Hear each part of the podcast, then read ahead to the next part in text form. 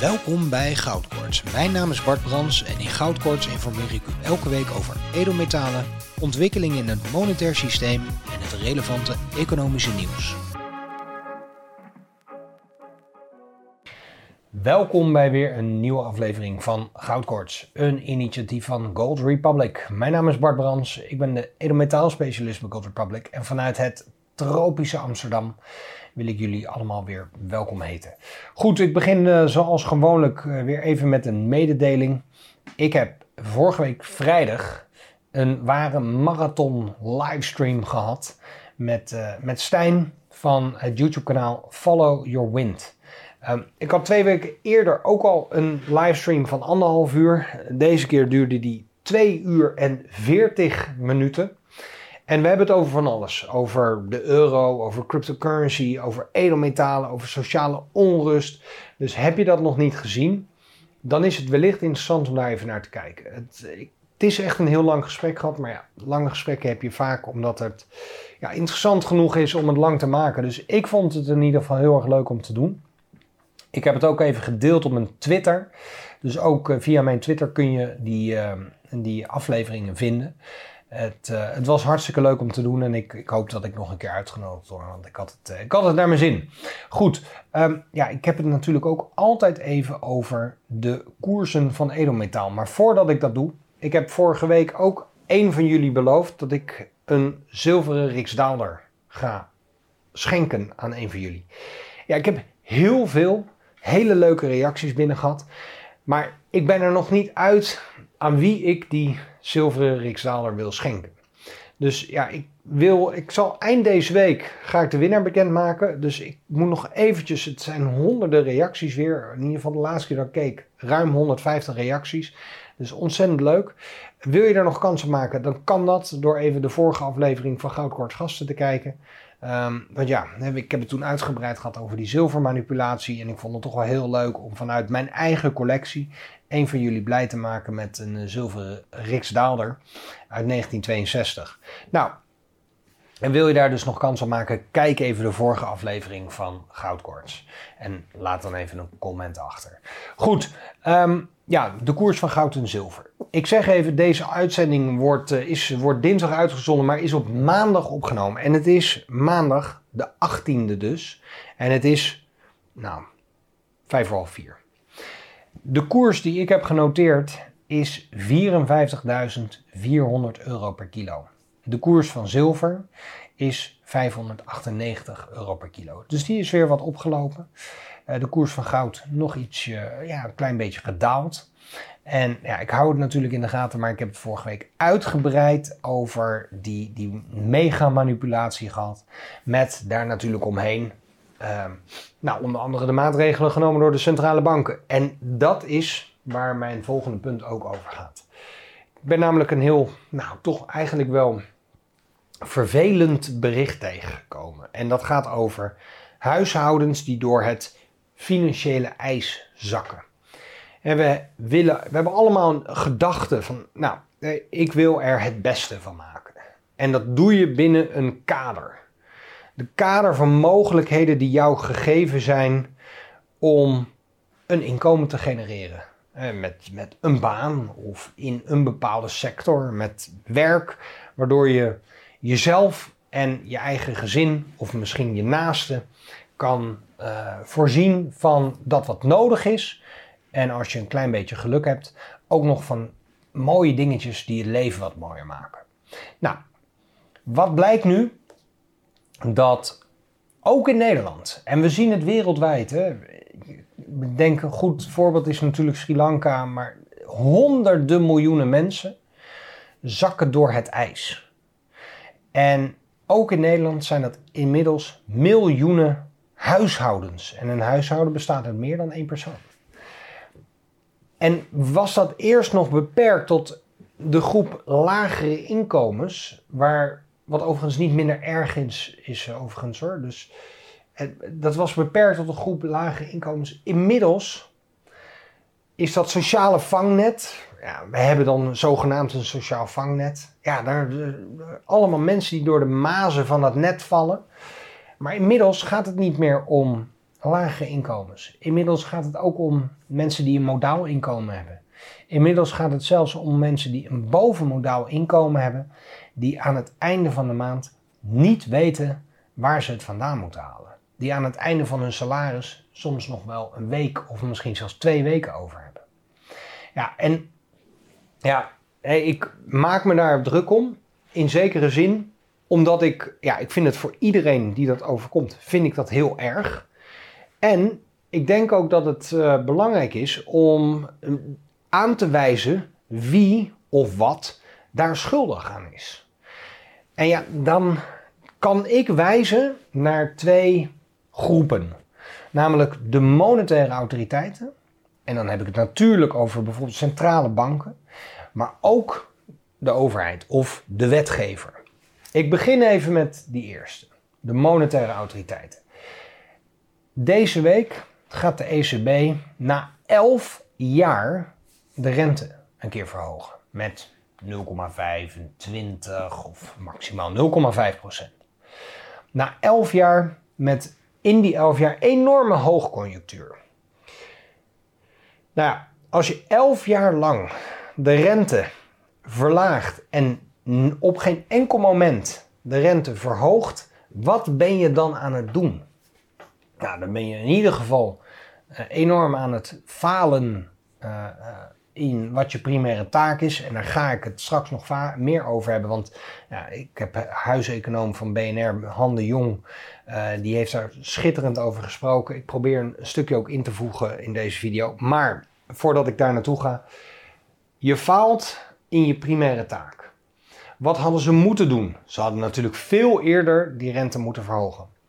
Wat is er gebeurd doordat ze dat niet hebben gedaan? Nou, als je de rente 11 jaar lang niet verhoogt, dan kunnen mensen, u en ik, 11 jaar lang al geen spaargeld of geen rente krijgen op hun spaargeld. We hebben het allemaal gezien, de rente was 2% of, of 3%, die ging naar 1%, die ging naar 0,5%, die ging naar 0,1% en hij ging naar 0% en hij ging naar min. Dus al die tijd ben je iemand die probeert te sparen omdat ze zeggen van nou ik ben risicoavers, ik wil liever geen aandelen kopen, ik wil liever niet in de vastgoedmarkt, ik wil liever geen cryptocurrencies kopen, ik wil gewoon sparen. Die ben je aan het beroven van hun koopkracht. Niet alleen dat, oh, er komt een moment waarop mensen zoveel koopkracht zien verdwijnen dat ze denken nou dan ga ik toch maar investeren. Alleen dat kan jaren duren. Als zij dan op dat punt zijn aangekomen, bijvoorbeeld laten we zeggen dat ze twee of een jaar geleden zijn gaan investeren.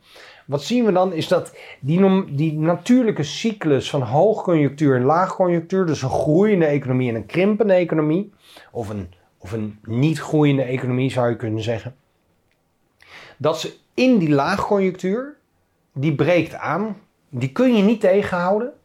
Dan zie je die aandelenmarkten, die zie je, uh, die bubbels, die zie je leeglopen. En op dat moment zegt die centrale bank: ja, we gaan de rente verhogen. Waardoor iedereen die misschien een jaar geleden heeft gezegd: Nou, ik ga nu toch investeren, 30% van zijn investeringen misschien wel kwijt is. Of misschien vorig jaar heeft gezegd: Ja, ik ga toch maar cryptocurrencies kopen. Bitcoin van 60 naar 20.000.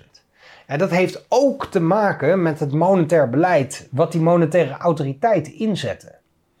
Dus iedereen, we worden 11 jaar lang worden we in het ootje genomen, voor de gek gehouden. En na 11 jaar wordt dan gezegd: ja, we moeten het nu toch echt gaan doen, want de inflatie loopt hoog op. Ja, ja dat kon zelfs een blind paard zien aankomen. Dat konden we al lang zien aankomen, dus nou, daar waarschuwen we in ieder geval bij Gold Republic ook al jaren voor. Maar de maatregelen zijn net zo erg als uh, wat ons wordt aangedaan. En nou, dus dat is de eerste groep. Nou, dan heb je ook nog de tweede groep namelijk de wetgever, de overheid. En ja, ik vind dan toch een uitspraak die een minister heeft uh, geopperd, die vind ik ja, kwalijk, maar wel goed om hier te benoemen. Namelijk dat we in Nederland moeten accepteren dat we collectief armer worden. Terwijl er dus miljoenen huishoudens door dat ijs zakken, wordt gezegd: we moeten accepteren dat we armer worden. Ja, dat vind ik een hele heftige uitspraak. Want waarom worden wij armer? We hebben het stukje monetaire autoriteiten behandeld. Gaan we nu even naar het stukje fiscaal overheid. We zien dat er al jarenlang steeds meer belasting wordt geheven op bijvoorbeeld elektriciteit en, gas. En benzine, accijnzen, op alles wordt eigenlijk steeds meer belasting geheven. Dus die, die, die belastingdruk die wordt steeds groter. En dat vreet steeds meer van ons inkomen, van ons netto uh, inkomen vreet dat op. Niet alleen dat, uh, we zien ook bijvoorbeeld dat er in het kader van ESG-doelen, en heel grappig, hè, als je kijkt naar welke landen hebben, hebben de hoogste rang op die ESG-doelen, je ziet eigenlijk dat daar waar die ESG-score het hoogst is, dat daar de sociale onrust ook het grootste is. Dus dan zou je kunnen zeggen, nou ja, misschien loopt dat niet helemaal lekker en misschien moeten we dat maar wijzigen. Nee, er wordt vastgehouden, de koers is ingezet, er wordt niet afgeweken van die koers. Nou, leuk om te noemen, of in ieder geval denk ik belangrijk om te noemen. 1. Kijk naar die correlatie. 2. Als je dan kijkt naar wat al die fiscale maatregelen voor effect sorteren op bijvoorbeeld de rekening die wij elke maand moeten voldoen voor onze gas of voor onze elektriciteit, voor energie. En nou, kleine anekdote tussendoor. Ik ben uh, in, het, uh, in midden in Den Haag opgegroeid en wij hadden het niet breed. Maar op geen enkel moment hebben mijn ouders, toen ik opgroeide, uh, gezegd tegen mij: Bart, de kachel kan niet aan. Of zet die kachel ons lager. Of ga eens, je, je mag maar vijf minuten douchen. Want we kunnen de elektriciteitsrekening niet betalen. En ik heb het eerder gezegd: een primaire primaire uh, noodzakelijkheid voor het gedijen van uh, iedere samenleving is goedkope en betrouwbare energie. Kardashev-schaal, ik heb het uitgebreid hierover gehad.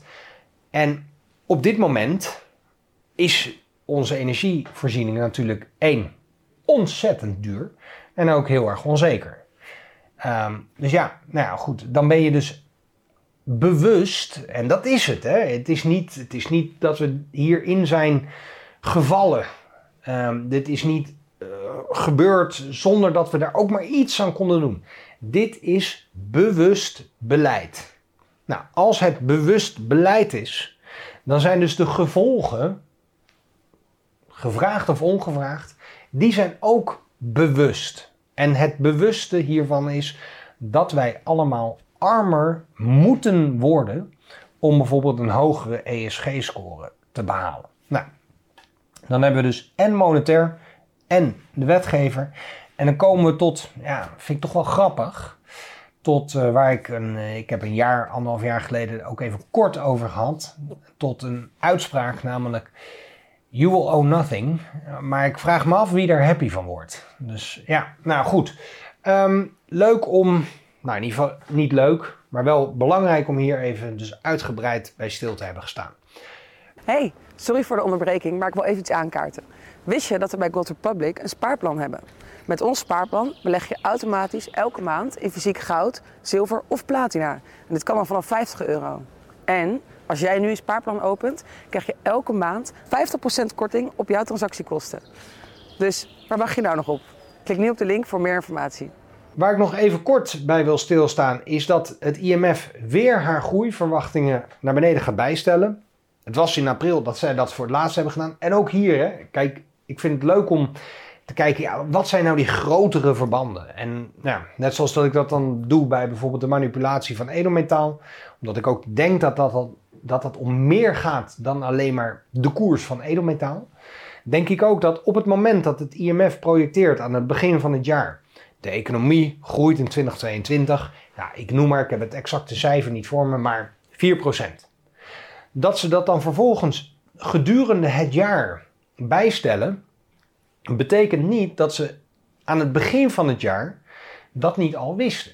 Ze wisten hoogstwaarschijnlijk aan het begin van het jaar al, die groei, ja, dat wordt niks. Maar ze zeggen, wij eh, gaan dit jaar groeien.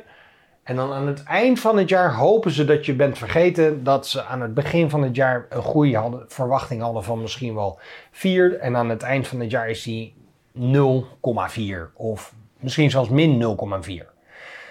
Die 4 is bewust gekozen omdat daarachter een, een bepaald traject, een bepaalde agenda schuil gaat. Die, waarvoor het dus noodzakelijk is om te zeggen 4. Of 3,6 of 5,2, wat dan ook. Het is noodzakelijk om dat uh, te zeggen, want het hoort bij het na te streven doel. Never let a crisis go to, go to waste. Um, ja, nou, het laatste punt waar ik het even over wil hebben is uh, de ECB toch weer. Want die gaan dit, deze week, op donderdag, gaan zij de rente voor het eerst in 11 jaar tijd, gaan ze die verhogen naar nou, 0,5, min 0,25 of naar 0. En nou, ik noemde het al even, Han de Jong, de huiseconoom van, uh, van BNR, die had vanmorgen een prachtige, uh, denk ik, um, vertaling uh, hij mocht commentaar geven op dat besluit en ik vond het schitterend. Ik heb hem ook meteen benaderd en ik heb gezegd: Han, ik wil jou heel graag spreken voor Goudkortsgasten. Kan dat? Nou, ik hoop dat het gaat lukken. Het lijkt er wel op, dus ik, uh, hij is in ieder geval van harte welkom. En zeg ik ook even via, via het YouTube-kanaal alvast. Maar hij had een prachtige uitspraak, namelijk de primaire taak van de ECB is prijsstabiliteit en daar hebben ze keihard gefaald. Nou, nou, schitterend, schitterend. Niet alleen dat, hij zegt ja, ze zijn veel te passief geweest. Hè. Ze hadden eigenlijk al jaren geleden uh, hadden ze moeten verhogen. En niet alleen dat, ze, kijkend ook naar de Verenigde Staten en ook naar wat de gevolgen zijn van de renteverhoging in de Verenigde Staten en de, het, uitblijven van renteverhogingen in, in de eurozone. Ja, wat gebeurt er door? Pariteit. En pariteit van de munten. 1 dollar, 1 euro. Nou, wat betekent een euro-dollar pariteit als het gaat om het importeren van goederen uit het buitenland? Ja, dat wordt duurder. Want als jouw euro ineens nog maar een dollar waard is en jij moet allerlei uh, grondstoffen bijvoorbeeld kopen in dollars, dan krijg je veel minder grondstoffen voor je euro. Of je moet veel meer euro's betalen. En wat doet dat met de inflatie? Ja, die stijgt. Dus die pariteit en het uitblijven van die maatregelen die de ECB niet een jaar geleden, of twee, of drie, of vijf, maar misschien al acht of negen jaar geleden had moeten nemen. Het uitblijven van het nemen van die maatregelen zorgt ervoor dat wij ons bevinden in de situatie waarin we ons bevinden hele hoge inflatie, een, een bijna zekere onhoudbaarheid van de euro als gezamenlijke munt. Want kijk ook naar wat er gebeurt met bijvoorbeeld staatsobligaties in Italië versus die in Duitsland. Daar, daar, moet alweer een instrument. De renteverhoging heeft nog niet plaatsgevonden. Of er moet een instrument worden, worden gemaakt om die renteverschillen eh, te verkleinen. En wat betekent dat in de praktijk? Ja, extra geld bijdrukken of extra valuta bijdrukken. Dus ja, we zijn we doen alsof, maar eigenlijk zijn we nog steeds gewoon keihard uh, bij aan het printen. En wat betekent het uiteindelijk ook? Is dat de inflatie, doordat die munt zoveel minder waard is geworden, de inflatie nog verder oploopt. Nou, al met al um, uh, is dit weer geen goed nieuws. En vooral het eerste punt, dat ook bovenmodale inkomens nu echt door het ijs aan het zakken zijn, is natuurlijk vreselijk nieuws om ook hier te vertellen. Uh, ja, toch is het ook heel belangrijk nieuws. En ik denk dat kennis en informatie biedt je uiteindelijk ook de mogelijkheid om jezelf voor te bereiden. En ik heb het er eerder over gehad, maar ik ga toch nog een keer zeggen: kijk, ben je jezelf nog niet aan het voorbereiden? Weet dan dat je niet voorbereiden uh, op, op falen, dat dat je eigenlijk aan het voorbereiden op falen is. Als je je niet voorbereidt uh, om, om niet te falen, dan ben je aan het voorbereiden om te falen. En ja, dat betekent ook dat als je er nog goed bij zit, uh, of ziet dat nou die euro die houdt het echt niet vol, dat je dan mogelijkerwijs uh, een idee hebt dat daar wellicht wat edelmetaal in dat reddingsvlot zou kunnen passen. Als je daarover nadenkt, ga dan gerust natuurlijk even naar, het, uh, naar de website van, van Gold Republic, naar goldrepublic.nl. Uh, wij bieden al een spaarplan aan vanaf 50 euro per maand. En ja, dan hoop ik dat dat kan helpen in een transitie naar wat uiteindelijk een waarschijnlijk veel mooiere en, en ook betere wereld zal worden. Maar wat ik eerder al, al heb gezegd, eh, voordat het beter wordt, wordt het waarschijnlijk eerst nog wat slechter. En ja, aan het einde van die tunnel gloort natuurlijk een schitterend licht. Dus ja, ik vind het wel belangrijk om positief af te sluiten. We moeten even door dit, dit moment eh, heen. Maar aan het einde uh, wordt het waarschijnlijk mooier dan dat het was. Dat zien we in de geschiedenis ook vaak terug. En wat ook belangrijk is, kijk ook niet te veel naar dingen die je niet kunt beïnvloeden. We kunnen allemaal, denk ik, collectief ook een rol spelen in bijvoorbeeld beleidsveranderingen. En het is ook heel goed om daar aan mee te doen. Maar het begint allemaal bij, nou, zou ik willen zeggen, jezelf. En hoe je zelf in het leven staat, ben je zelf redzaam, neem je je eigen verantwoordelijkheden. En als je dat doet, dan zie je vaak dat dat aanstekelijk ook werkt voor je omgeving. Nou, en op die manier kun je met relatief kleine groepen mensen een heel groot verschil maken. Goed, nou, ik hoop dat dit weer een interessante uitzending uh, is geweest voor je. Is dat het geval? Like deze video dan even. Dat helpt ons echt. En ik zie gelukkig dat we steeds meer worden gedeeld, ook in Telegram groepen. Dat vind ik echt onwijs gaaf om, uh, om te zien. Um, ja, ben je nog niet geabonneerd op het YouTube kanaal? Wij willen heel graag zo snel mogelijk naar de 20.000 abonnees. Dus als je je nog niet hebt geabonneerd, klik even op die knop. Dan, nou ja, dan kan je natuurlijk ook nog even dat belletje aantikken. Dan word je ook weer erop uh, uh, gewezen op het moment dat wij een uitzending hebben gepubliceerd. En ja, je kan natuurlijk ook altijd hieronder nog even een comment achterlaten. En dan zien we elkaar bij een volgende aflevering van Goudkoorts. Dank voor het luisteren. Vond je dit een mooie uitzending? Deel hem dan gerust. Geef ons, als je het nog niet hebt gedaan, ook even een rating.